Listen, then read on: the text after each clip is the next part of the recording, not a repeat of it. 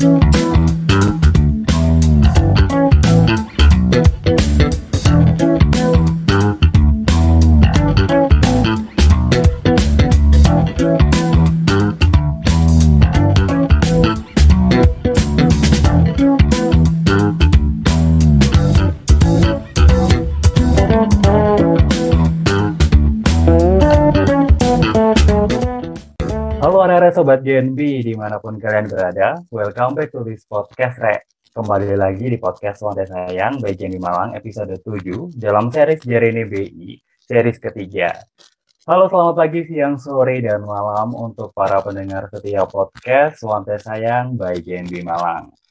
Oke, untuk podcast kali ini dalam series Jeremy BI, uh, kita mengusung tema atau judul podcast yaitu efektifkah uang 75.000 untuk mengatasi perekonomian dalam negeri. Ngomong-ngomong soal uang 75.000 rupiah nih, siapa di antara kalian semua pendengar setiap podcast Wanda Sayang bagian di Malang yang sudah punya atau mungkin sudah menyimpan uang 75.000-nya, Rek? Kalau aku sendiri udah nyimpen dua sih, kebetulan. Karena aku suka sama desainnya itu bagus gitu loh. Dan katanya juga dicetak uh, dalam jumlah yang terbatas gitu. Makanya aku uh, nggak aku pakai uangnya aku simpan sendiri. Karena aku takut nanti kalau misalkan nggak bisa dapat lagi uang itu gitu. Kalau kalian sendiri gimana re udah nyimpan atau belum? Atau mungkin kalian bahkan uh, malah belum pernah sama sekali lihat uangnya secara langsung nih kalau misalkan kayak gitu mungkin belum beruntung kali ya kalian. Oke, jadi malam ini kita akan membahas tentang uang 75.000 itu ya teman-teman. Bersama dengan narasumber kita pada malam hari ini langsung kita datangi dari Bank Indonesia ya, Rek. Yaitu Bapak Gali Effendi sebagai Asisten Manajer Unit Implementasi Pengelolaan Uang Rupiah. Halo selamat malam Bapak Gali, gimana kabarnya Pak? Semoga tetap dalam keadaan sehat walafiat ya Pak ya. Alhamdulillah. Malam Mas Faisal. Alhamdulillah baik hari ini. Assalamualaikum. Pendengar Waalaikumsalam. podcast apa tadi? Sewante sayang. Pak. Sewante sayang. Iya, Sewante sayang baik Genbi Bersama Genbi Malang. Oke. Okay. Genbi Malang. Mas Faisal. Alhamdulillah. Mas Faisal bagaimana kabarnya? Alhamdulillah Pak. Uh, Alhamdulillah Pak luar biasa banget kabarnya. Ya. Nah, sekarang itu yang penting sehat. Iya, bener banget Pak. Yang penting sekarang ini itu kesehatan nomor satu iya, banget itu. Betul. Percuma kalau misalkan kita punya banyak uang tapi kalau nggak sehat ya Pak ya, nggak bisa menikmatinya. Betul. Oke Pak, mungkin bisa memperkenalkan secara singkat tentang Bapak dan sebagai asisten manajer unit implementasi pengelolaan uang rupiah di Bank Indonesia, Pak. Biar okay. para pendengar setiap podcast model saya yang di Malang juga kenal sama Bapak Gali. Silakan Bapak okay. Gali. Baik Mas Faisal, terima kasih. Uh, sekali lagi per perkenalkan para pendengar podcast uh, Swante Sayang bagian di Malang. Nama saya Gali Effendi.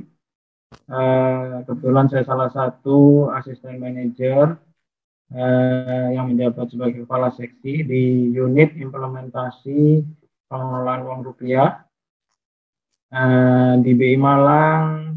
Alhamdulillah eh, sudah berjalan hampir dua tahun.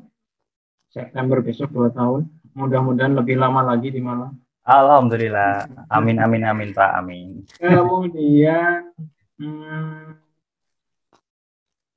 pengalaman eh, KPW sebelumnya, saya sebelum di Malang di BI Sulawesi Tenggara, BI wow. Kendari.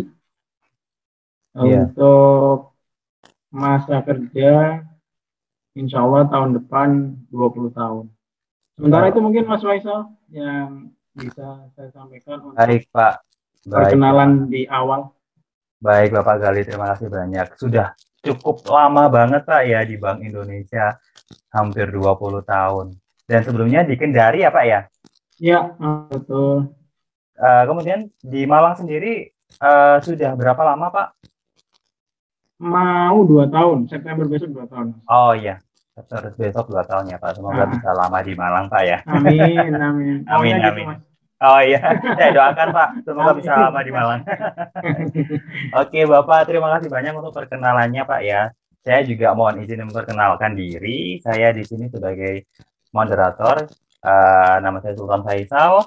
Saya merupakan anggota aktif Genbi Malang tahun 2022-2023. Langsung aja Pak ya, kita mungkin langsung ke pembahasan tentang podcast malam ini Pak. Yang pertama yang mau saya tanyakan Pak ya, karena masih hmm. banyak banget uh, masyarakat di luar sana itu yang kurang paham juga tentang uang 75.000 ini. Sebenarnya apa sih Pak alasan yang melatar belakangi adanya uang senilai 75.000 ini Pak?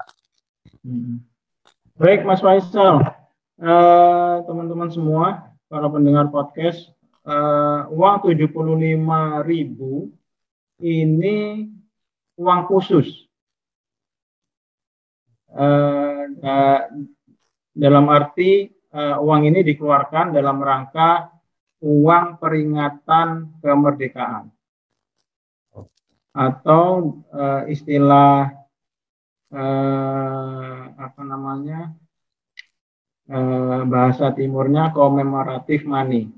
Jadi ada dua jenis komemoratif money itu terkait dengan uh, peringatan HUT kemerdekaan. Uh, sorry ada tiga uh, peringatan HUT kemerdekaan, kemudian peringatan peristiwa-peristiwa uh, bersejarah nasional, kemudian ada juga terkait dengan pelaksanaan kegiatan olahraga berskala internasional yang diselenggarakan di Indonesia. Nah, untuk 70 uh, uang 75.000 ini ini dikeluarkan dalam rangka memperingati HUT kemerdekaan Republik Indonesia yang ke-75 tahun. Itu Mas Faisal sementara. Baik, Pak. Jadi untuk latar belakang adanya uang ini itu untuk memperingati kemerdekaan Indonesia ke-75 tahun ya Pak. Betul, betul. Itu sebabnya kenapa kok nilainya 75.000 benar begitu iya, Pak? Betul. Oke, kalau begitu jadi seperti itu, seperti itu ya teman-teman. Uh, latar belakang dari adanya uang 75.000 itu untuk memperingati uh, kemerdekaan Indonesia ke-75 tahun. Kemudian untuk perkembangan uang 75.000 itu sekarang bagaimana sih Pak? Apakah memang benar untuk uang 75.000 ini dicetaknya itu secara terbatas atau bagaimana Pak Gali? Betul, karena ini uh, uang peringatan otomatis uh, dicetaknya secara terbatas karena ada perbedaan sedikit dengan uang rupiah yang uh, biasa yang yang yang beredar uh, secara umum. Uh, karena ini sifatnya uh, apa namanya uh, boleh dikatakan eksklusif ya karena uh, uh, momentumnya khusus.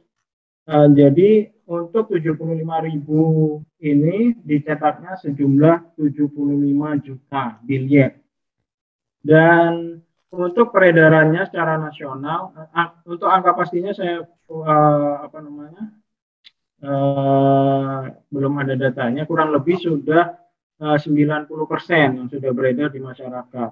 Bahkan beberapa kantor perwakilan Bank Indonesia itu sudah 100% uh, telah diedarkan kepada masyarakat. Sedangkan untuk di uh, Bank Indonesia Malang itu sudah beredar di kisaran 92 persen sampai dengan di akhir uh, tahun 2021 kemarin. Nah, dan untuk saat ini uh, karena sudah begitu besarnya beredar di masyarakat, sementara stok yang ada itu ditahan dulu untuk uh, uh, boleh dikatakan untuk stok di uh, KPW masing-masing yang masih uh, terdapat uh, stok uh, uang 75.000 itu. Itu sih Mas Faisal. Baik Pak Gali. Jadi uh, belum semuanya itu tersebar uh, di masyarakat ya Pak. Masih ada yang ditahan di Bank Indonesia gitu Pak ya untuk uangnya. Ya uh,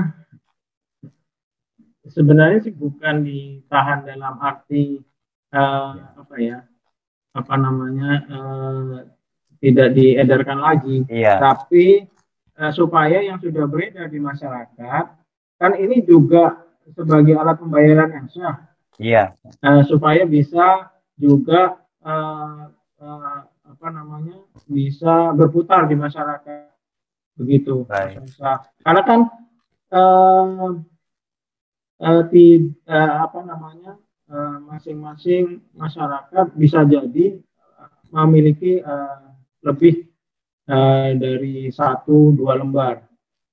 Kalau hanya untuk disimpan mungkin kan cukup untuk koleksi cukup satu lembar atau dua lembar seperti yang Mas Faisal tadi eh, ceritakan. Saya yakin karena beberapa pasti juga ada yang yeah, lebih dari eh, dua atau tiga lembar. Gitu Mas Faisal. Baik Pak. Oke, uh, selanjutnya nih saya mau tanya tentang itu Pak ya perihal menyimpan uang 75.000 itu sebenarnya gimana sih Pak? Apakah boleh atau mungkin sebaiknya itu diputar lagi karena kan kalau misalkan disimpan kan juga tidak baik ke perekonomian Pak. Nah, kalau misalkan dari uang 75.000 sendiri itu bagaimana? Apakah boleh disimpan Pak kayak saya saya simpan uang 75.000 karena bagus Pak desainnya. nah, itu bagaimana Kak bagaimana Pak mengenai hal tersebut? Uh, betul Mas Faisal. Uh, apa namanya? Memang uh, untuk uang 75.000 secara fungsi sama dengan uang uh, yang beredar uh, pada umumnya, uh, yaitu sebagai alat pembayaran yang sah di Indonesia.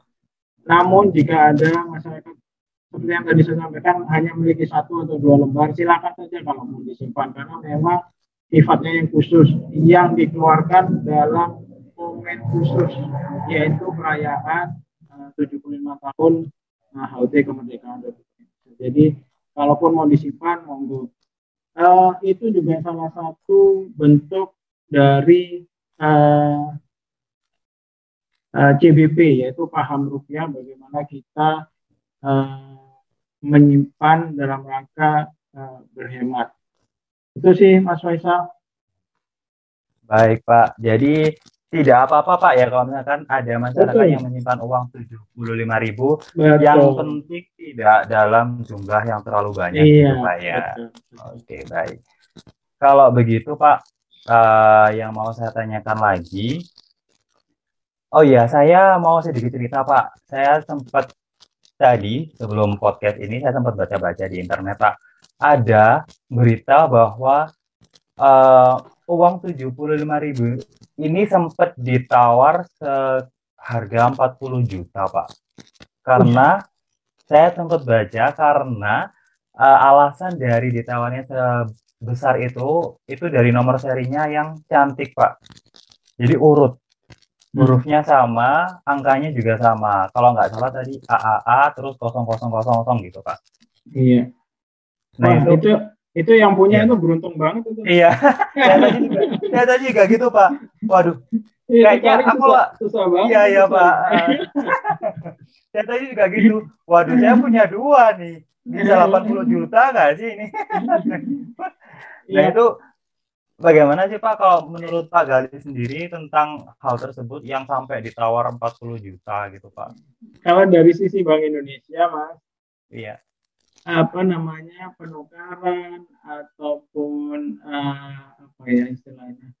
Ya penukaran apa dong penukaran pada intinya. Uh, nilai nilai yang yang tertera dalam uang ya ditukarkan dengan nilai yang sama. Dan kalau yang disampaikan Mas Faisal tadi itu memang sifatnya uh, keunikan atau Eh, kekhususan yang dimiliki uh, salah satu uang sehingga oleh komunitas-komunitas komunitas tertentu dijadikan komoditas uh, sebagai barang koleksi gitu sih. Yeah. Uh, yang saya saya pahami begitu. Jadi kalau dari sisi Bank Indonesia uh, nilainya harus sama kalau uh, misalnya kita punya uang seratus ribu mau ditukar pecahan yang lain eh, terimanya juga seratus ribu gitu. Baik. Tapi kalau yang disampaikan Mas Faisal terkait dengan harganya uh, bisa semakin tinggi karena ada ke keunikan tersendiri yang dipandang oleh beberapa komunitas. Kalau nggak keliru, istilahnya itu komunitas numismatik kalau nggak keliru. Jadi para pecinta eh, uang-uang uh, unik, uang-uang khusus, entah itu uang kuno atau uang yang nomor serinya unik, unik. itu. Yeah. Itu sih Mas Faisal. Tapi kalau dari sisi Bank Indonesia, sekali lagi uh, saya tekankan bahwa nilainya tetap sama, uh, berapa berapapun yang akan kita tukarkan uh, nilainya akan sama dengan yang uh, yang kita yang kita uh, miliki. Misalnya itu tadi. Misalnya kita punya 100 ribu mau tukar uh, uang pecahan lain dapatnya juga sama 100 ribu Baik. 100 ribu itu sih Mas Faisal Baik Pak terima kasih kemudian ngomong-ngomong uh, soal pertuk, uh, penukaran uang ribu Pak. Nah, kalau misalkan ada nih masyarakat atau mungkin pendengar setia podcast Mantu Sayang by GMB Malang itu yang belum punya atau mungkin bahkan sama sekali belum lihat uang ribu ini secara langsung Pak. Itu bisa nggak sih Pak kalau misalkan mau ditukarkan ke mungkin Bank Indonesia atau bank yang lainnya gitu Pak? Uh, seperti yang saya sampaikan tadi, khususnya untuk di Bank Indonesia, sementara uh, untuk penukaran uh, pecahan 75 ribu uh, ini di, ditutup dulu mas. Uh, dalam arti uh, supaya uh, uang yang sudah uh, beredar di masyarakat khususnya 75 ribu biar berputar terlebih dahulu. Begitu sih mas uh, kalau ada uh, uh, mungkin dari teman-teman Genbi ingin memiliki mungkin bisa ke uh, beberapa bank umum karena memang uh, bank umum juga uh, tahun lalu mereka juga melakukan, melakukan penukaran ke Bank Indonesia untuk melayani uh, nasabahnya atau masyarakat gitu. Baik. Mudah-mudahan stoknya juga masih ada di, di bank. Baik, jadi uh, bisa disimpulkan bahwa kalau misalkan saat ini mau tukar uang tujuh puluh lima ribu itu bisa Pak ya di bank umum selama iya. bank tersebut masih tersedia stok. Betul, betul. Baik. Oke, jadi gitu ya teman-teman sobat Genbi semuanya. Mungkin bisa dicoba kalau misalkan mau tukar uangnya di bank umum, bisa dicoba barangkali masih ada stoknya. Tapi kalau nggak ada ya mohon maaf, kalian belum beruntung. kalau saya sih sudah punya dua. Oke Pak, kalau gitu saya juga mau tanya nih Pak mengenai judul podcast kita podcast kita kali ini Pak ya. Uh, yaitu efektifkah uang 75.000 untuk mengatasi perekonomian dalam negeri. Nah, yang mau saya tanyakan Pak, apakah memang benar uang 75.000 ini selain untuk memperingati kemerdekaan uh, Indonesia ke 75 tahun, itu juga untuk mengatasi perekonomian dalam negeri, Pak? Luar biasa ini judulnya. Judulnya bom bombastis. ini yang yang dimaksud mengatasi ini bagaimana ya? Mungkin uh, membantu memperbaiki perekonomian Indonesia gitu Pak. Uh, yang jelas eh, Pak setiap uh, apa namanya uang rupiah uh, baru yang diedarkan uh, terutama uh, 75.000 yang uh, sesuai dengan judul yang disampaikan Mas Faisal tadi bahwa fungsinya seba, apa namanya fungsinya sama dengan uang rupiah yang sudah beredar sebelumnya yaitu sebagai alat pembayaran yang sah uh, walaupun itu adalah uang peringatan uang yang dikeluarkan dalam momen uh, momen khusus yaitu peringatan uh, 75 tahun. Jadi uh, harapannya juga uh, apa namanya bisa memberikan uh, apa ya uh, gairah ke masyarakat untuk uh, uh, menggunakan uh, uang rupiah uh, dalam setiap uh, transaksinya.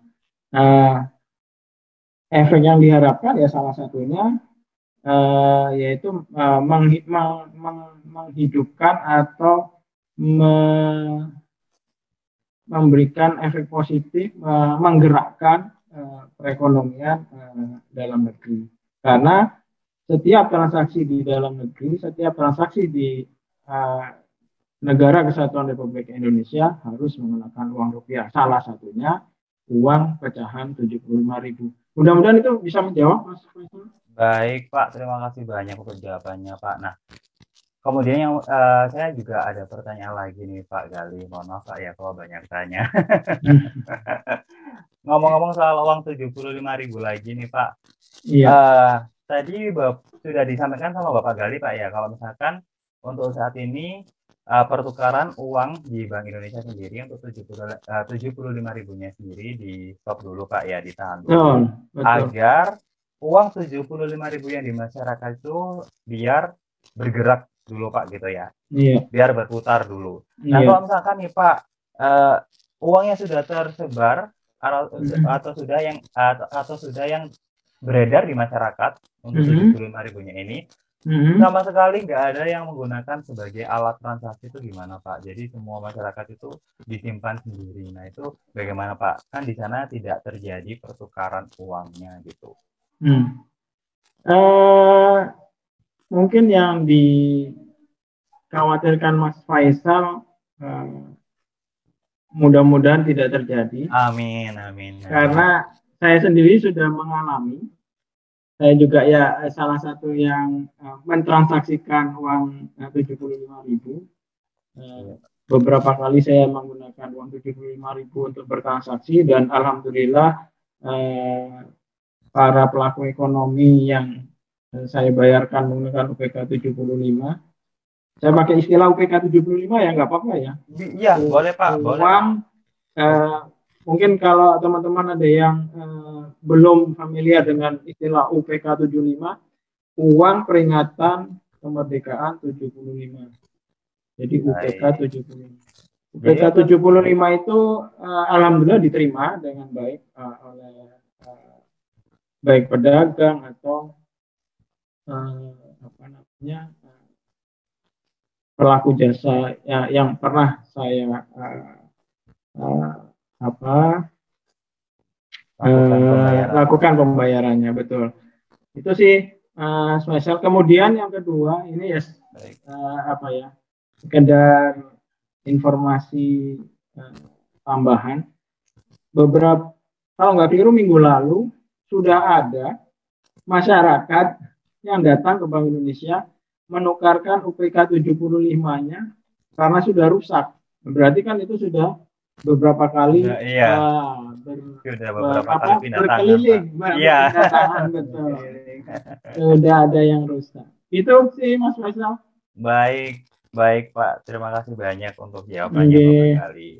Kemudian Pak, eh, kita dari tadi sudah ngobrolin tentang uang 75 ribunya ya Pak ya. Nah ini Hmm. juga saya mendengar berita nih Pak yang lagi eh, booming tentang uang pecahan baru 200 ribu rupiah Pak. Mhm. Nah apakah itu sebuah fakta atau cuma hoax aja? Mengingat nih Pak, dulu sudah pernah ya ada berita tentang hal yang sama, tapi Mhm. ternyata hoax. Nah, untuk yang saat ini tuh bagaimana Pak Gali? Kalau yang saat ini gambarnya kalau boleh tahu. Kalau saat ini, kalau tidak salah tadi warna hijau Pak, hampir mirip sama Hmm. OPK 75. Warna hijau. Saya malah baru tahu nih. Yang kalau yang karena kalau yang pecahan 200 ribu ini sudah beberapa kali ya eh, apa namanya beredar berita.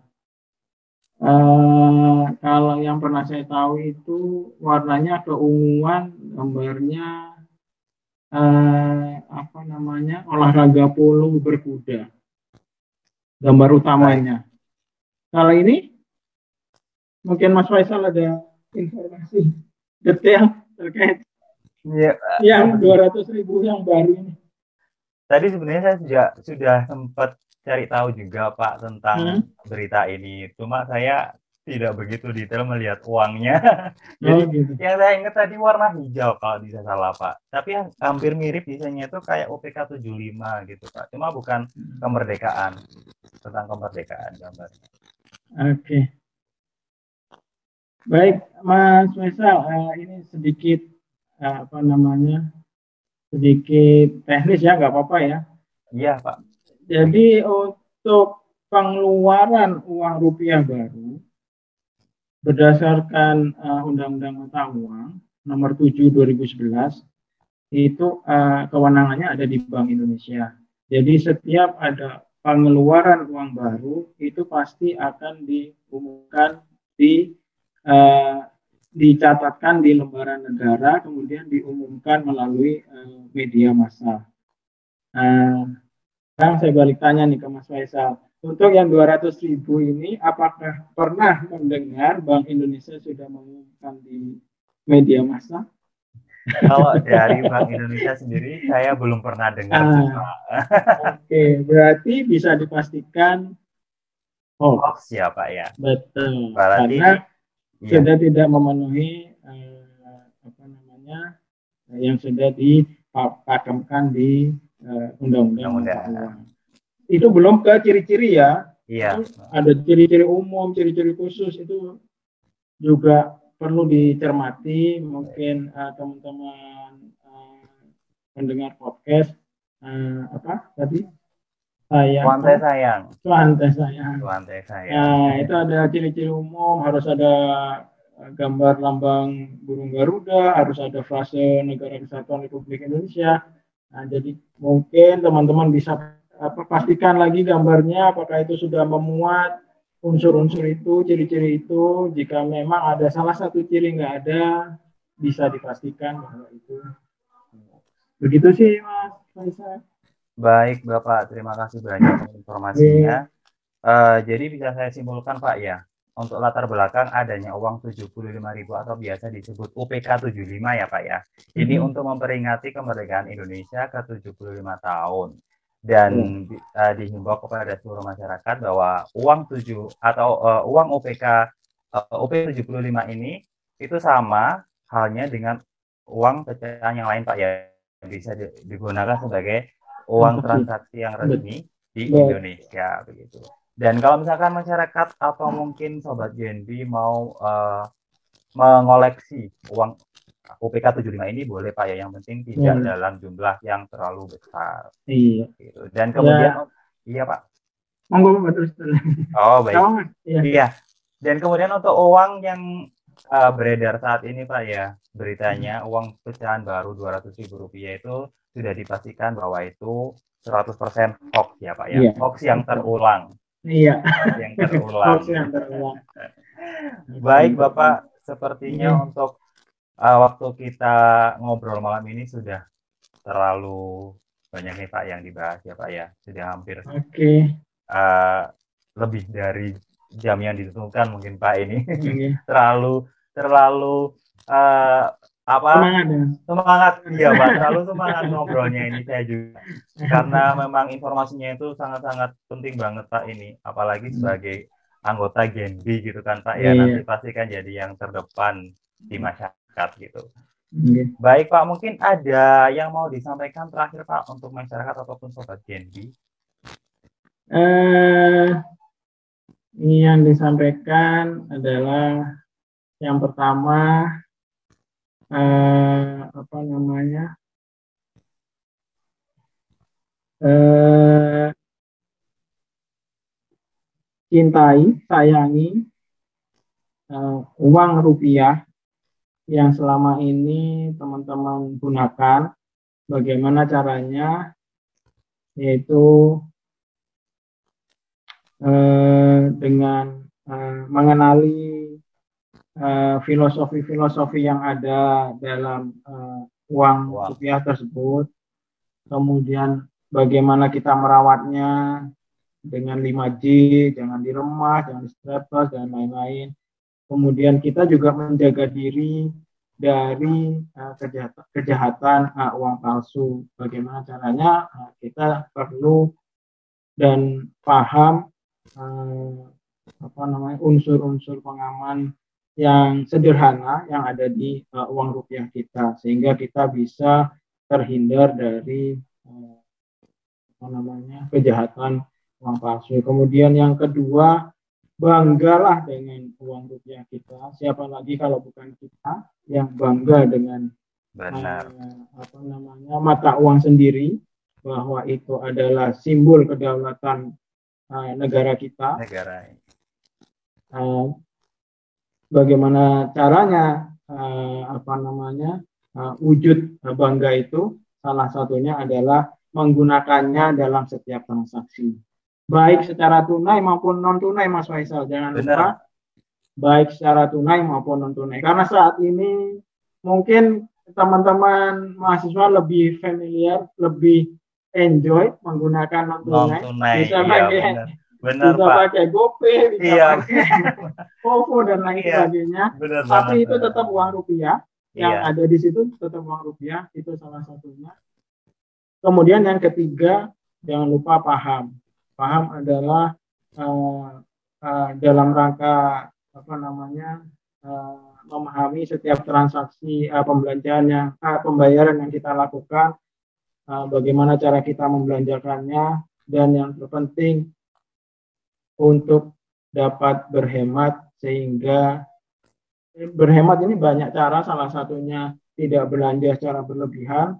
Ini salah satu eh, cara kita eh, ikut eh, aktif berperan serta eh, menekan laju inflasi karena eh, apa namanya berbelanja sesuai kebutuhan. Sehingga eh, tidak lebih besar permintaan daripada eh, apa namanya ketersediaan barang yang ada itu mungkin Mas Faisal yang bisa eh, saya pesankan selain untuk teman-teman ini juga pesan untuk diri saya pribadi sih. Baik, baik. Baik, Itu Bapak. Mas Faisal.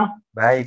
Bisa disimpulkan bahwa kita sebagai masyarakat Indonesia itu wajib CBP ya, Pak ya. Iya. Kita bangga paham rupiah. Iya. Gitu. Cocok Mas.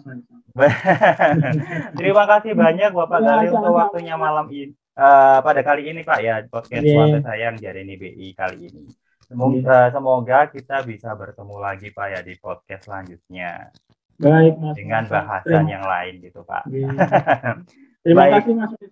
Baik, terima kasih banyak Bapak Gali untuk waktunya. Untuk menutup podcast kali ini, mohon izin untuk pantun Pak ya. Buah nanas, buah ceri, dicampur gula, enak sekali. Cukup sekian pertemuan kali ini. Semoga bisa bertemu lagi kemudian hari. Selamat tinggal dan selamat, eh, semoga bertemu lagi ya Sobat Genbi di mana pun kalian berada. Semoga hari kalian menyenangkan dan selalu semangat. Bye-bye.